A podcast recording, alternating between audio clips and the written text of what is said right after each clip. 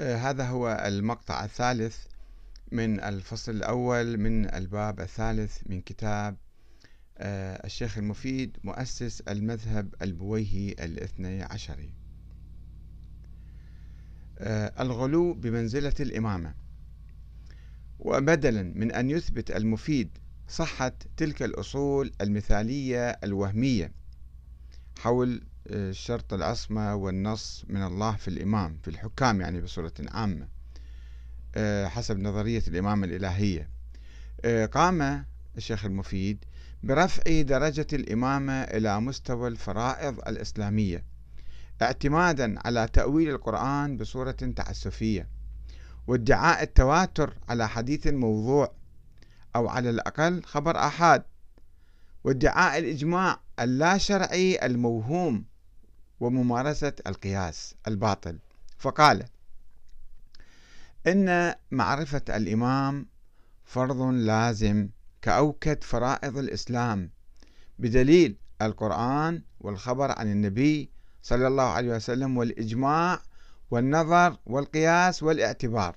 الاعتبار عن العقل يعني يقصد.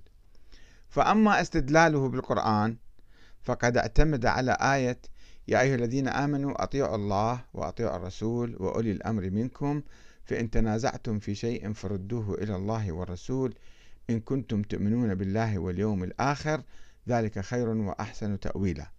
مع أن هذه الآية تتحدث أساسا عن قادة السرايا والولاة والقضاة الذين كان يعينهم النبي في حياته ولا تضفي عليهم طابعا دينيا مقدسا. وكما هو ظاهر منها فإنها تفترض حدوث التنازع بين المؤمنين وأولي الأمر ولا تسمح بطاعتهم طاعة مطلقة وبالتالي لا تجعل من طاعتهم فرضا من أوكد فرائض الإسلام ولا سيما إذا اغتصبوا السلطة بالقوة واستغلوها لخدمة أغراضهم الخاصة. كما اعتمد المفيد على تأويل آية أخرى عامة وهي يوم ندعو كل أناس بإمامهم فمن أوتي كتابه بيمينه فأولئك يقرؤون كتابهم ولا يظلمون فتيلا. وكما هو ملاحظ فإن الآية تتحدث عن عموم الأئمة. عموم الأئمة أي الزعماء الصالحين والطالحين يوم القيامة. ولا ترفع درجة الإمامة إلى مستوى الفرض الديني.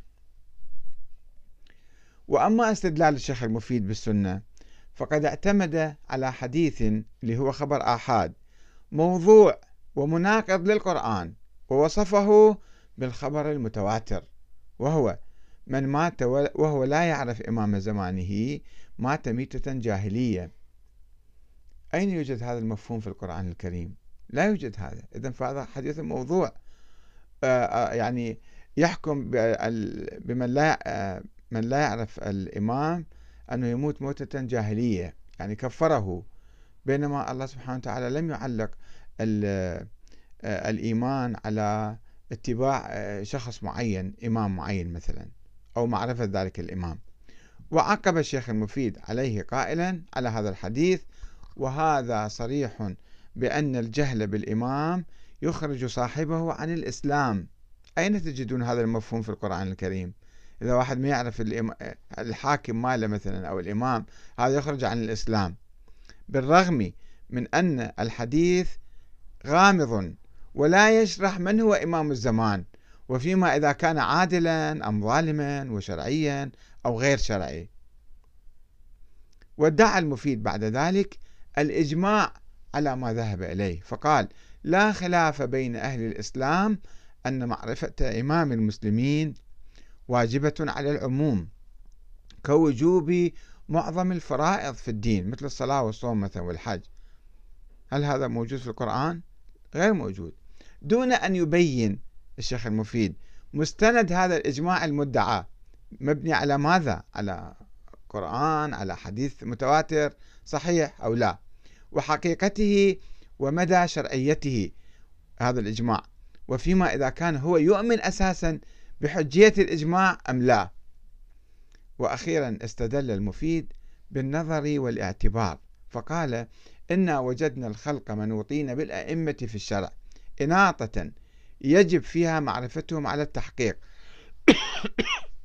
عفوا. ولما استحال ذلك على الحكيم الرحيم ثبت أنه فرض معرفة الأئمة ودل على أعيانهم بلا ارتياب يعني مجرد تخ... تخيل يعني.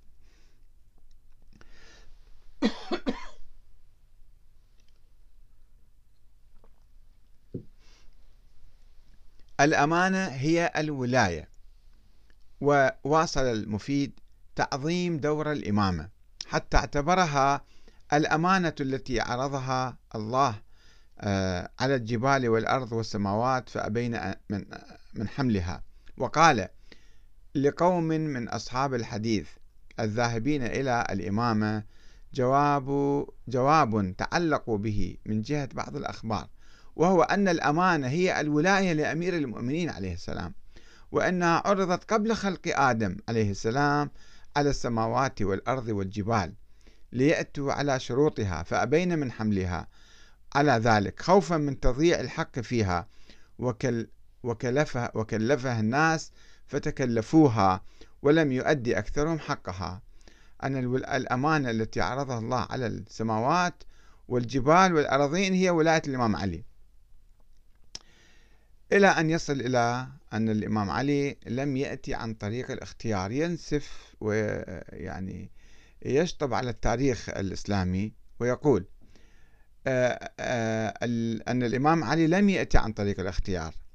وبعد أن قام الشيخ المفيد ببناء القاعدة الأساسية لنظرية الإمامة بناها على قاعدة العصمة أول شيء اتخذ الخطوة التالية وهي القول بالنص طريقا لتعيين الحكام وضرب نظرية الشورى والاختيار. وقام بقراءة التاريخ الشيعي قراءة جديدة ومعكوسة فأنكر أن يكون الإمام علي مؤمنا بالشورى أو سالكا هذا الطريق للوصول إلى الإمام. فقال إن أمير المؤمنين عليه السلام لم يتوصل إلى حقه في حال من الأحوال بما يوصل إليه من اختيار الناس له على ما ظنه الخصوم. وذلك أنه احتج في يوم الشورى الشورى العمرية الستة التي الذين عينهم عمر بعد ضربه. احتج في يوم الشورى بنصوص رسول الله صلى الله عليه وآله الموجبة له فرض الطاعة كقوله أفيكم أحد؟ قال له رسول الله أنت مني بمنزلة هارون من موسى إلا أنه لا نبي بعدي. وأشباه هذا الكلام الموجب لإمامة صاحبه بدليله المغني له عن اختيار العباد. أن النبي عيني أنا. ولما قتل عثمان لم يدعو أحدا إلى اختياره لكنه دعاهم إلى بيعته على النصرة له والإقرار بالطاعة. وليس في هذا من معنى الاختيار الذي يذهب إليه المخالفون شيء على كل حال. هذا كلام الشيخ المفيد. وفي الحقيقة لم يدعو الإمام علي أحدا إلى نفسه منذ أول يوم كما يقول الإمام محمد الباقر في رواية ينقلها الكليني في الكافي. يقول لم يدعو أحدا وأنه أقر القوم على ما صنعوا وكتم أمره. ولئن كان الإمام علي قد ذكر أهل الشورى العمرية بفضائله إلا أنه لم يتحدث عن حديث الغدير كنص عليه من النبي بالإمامة. وصحيح أيضا أنه عندما قتل عثمان وجاء المهاجرون والأنصار إليه يطالبونه بتولي الخلافة دفعهم وقال لهم دعوني والتمسوا غيري واعلموا أني إن أجبتكم ركبت بكم ما أعلم وإن تركتموني فأنا كأحدكم ولعلي أسمعكم وأطوعكم لمن وليتموه أمركم وأنا لكم وزيرا خير لكم مني أميرا.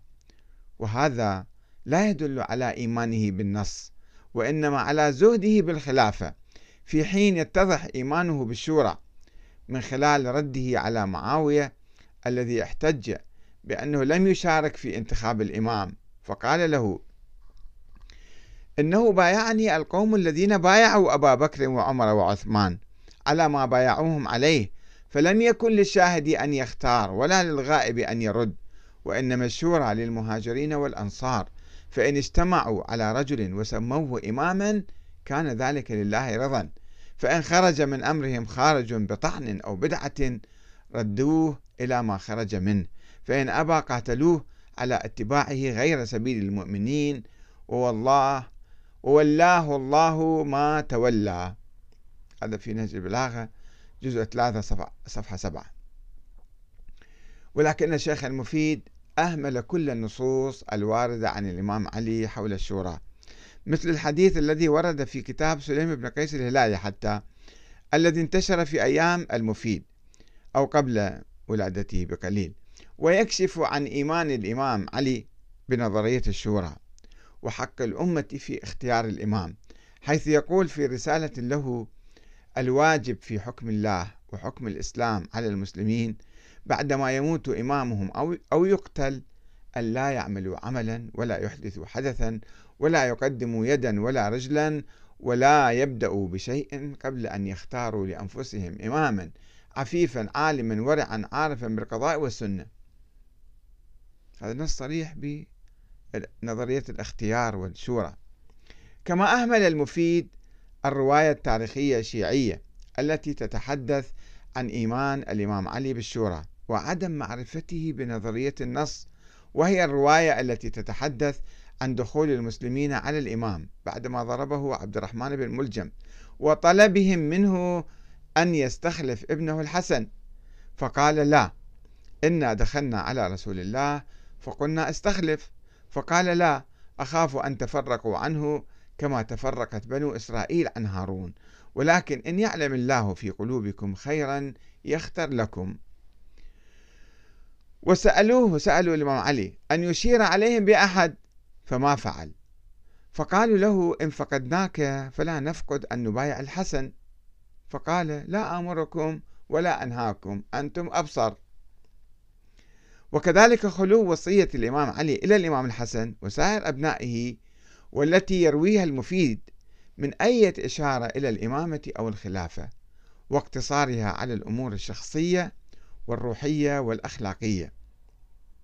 وحاول المفيد وحاول المفيد تأويل الرواية التي يطلب فيها العباس من الإمام علي سؤال النبي عن خليفته والتي تتناقض مع وجود النص المسبق عليه فقال سأل المفيد يقول سأل المخالفون إذا زعمتم أن النبي قد نص على أمير المؤمنين بالإمامة وبين عن فرض طاعته ودعا الأمة إلى اتباعه فما معنى قول العباس له في مرض رسول الله؟ أي ابن أخ ادخل معي إلى النبي فاسأله عن الأمر من بعده. هل هو فينا؟ فتطمئن قلوبنا له. أم هو في غيرنا؟ فيوصيه بنا. فدخل عليه. فسأله العباس عن ذلك فلم يجبه هل هو فيهم أو في غيرهم؟ فقال لهم على رسلكم معشر بني هاشم ثم أنتم المظلومون وأنتم المقهورون. فيقال لهم هذا الشيخ المفيد يواصل الكلام. فيقال لهم هذا كان رد على المفيد على نظرية النص. يقول أن لا يوجد نص لذلك العباس سأل النبي والنبي أجاب هكذا. فالمفيد يجيب فيقال لهم أخطأتم الغرض في معنى هذا المقال وضللتم عن المراد منه.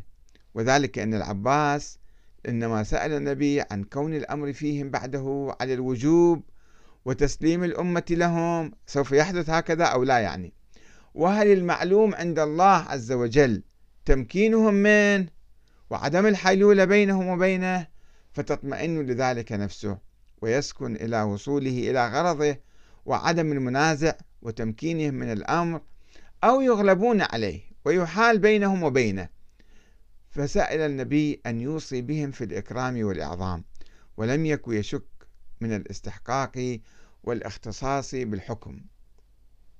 وكما يلاحظ فإن المفيد يقوم هنا بتأويل التاريخ وتأويل هذا الحديث تأويلا تعسفيا. ويفترض أن الإمام علي لم يكن في شك من الاستحقاق والاختصاص بالحكم. وهذا قد يكون صحيحا لقربه من رسول الله ولكن لا دليل فيها على أنه كان يعتقد بأنه المختص بالحكم بناء على نص جلي وصريح من الرسول الأكرم. لأنه لم يتحدث أساسا عن نظام الحكم السياسي بعده النبي. لم يتحدث أساسا عن نظام الحكم السياسي بعده إلى يوم القيامة وترك ذلك للمسلمين. ولو كان هناك أي نص مسبق من النبي لم يكن العباس يطلب من الإمام علي أن يسأله عن الأمر من بعده. هل هو فينا فتطمئن قلوبنا له أم هو في غيرنا فيوصيه بنا؟ إن الشيخ المفيد لم يقرأ التاريخ الإسلامي جيدا أو بالأحرى لم يرد أن يتوقف عنده كثيرا لأنه ينقض نظريته حول الإمامة الإلهية القائمة على العصمة والنص والتي أراد هو والإماميون تركيبها على الإمام علي وأهل البيت. وقد رأينا في فصل سابق كيف أن المؤرخين المؤرخين الإماميين النوبختي والأشعر القمي حاولا كتابة التاريخ كما يحلو لهما. عندما ذكر انقسام الشيعة بعد وفاة رسول الله صلى الله عليه وآله وسلم إلى من يؤمن بالنص ومن لا يعرفه ولكنهما لم يذكرا أحدا من شيعة الإمام علي ممن كان يعتقد بوجود النص عليه فضلا عن عامة المسلمين الذين بايعوا الخلفاء الثلاثة الأوائل. إلى هنا انتهى هذا المقطع الثالث من الفصل الأول من الباب الثالث وسوف نتحدث في الفصل الثاني عن تركيب نظرية الإمامة التي نسجها الإماميون على أهل البيت كيف ركبوها على كل واحد واحد منهم. والسلام عليكم ورحمة الله وبركاته.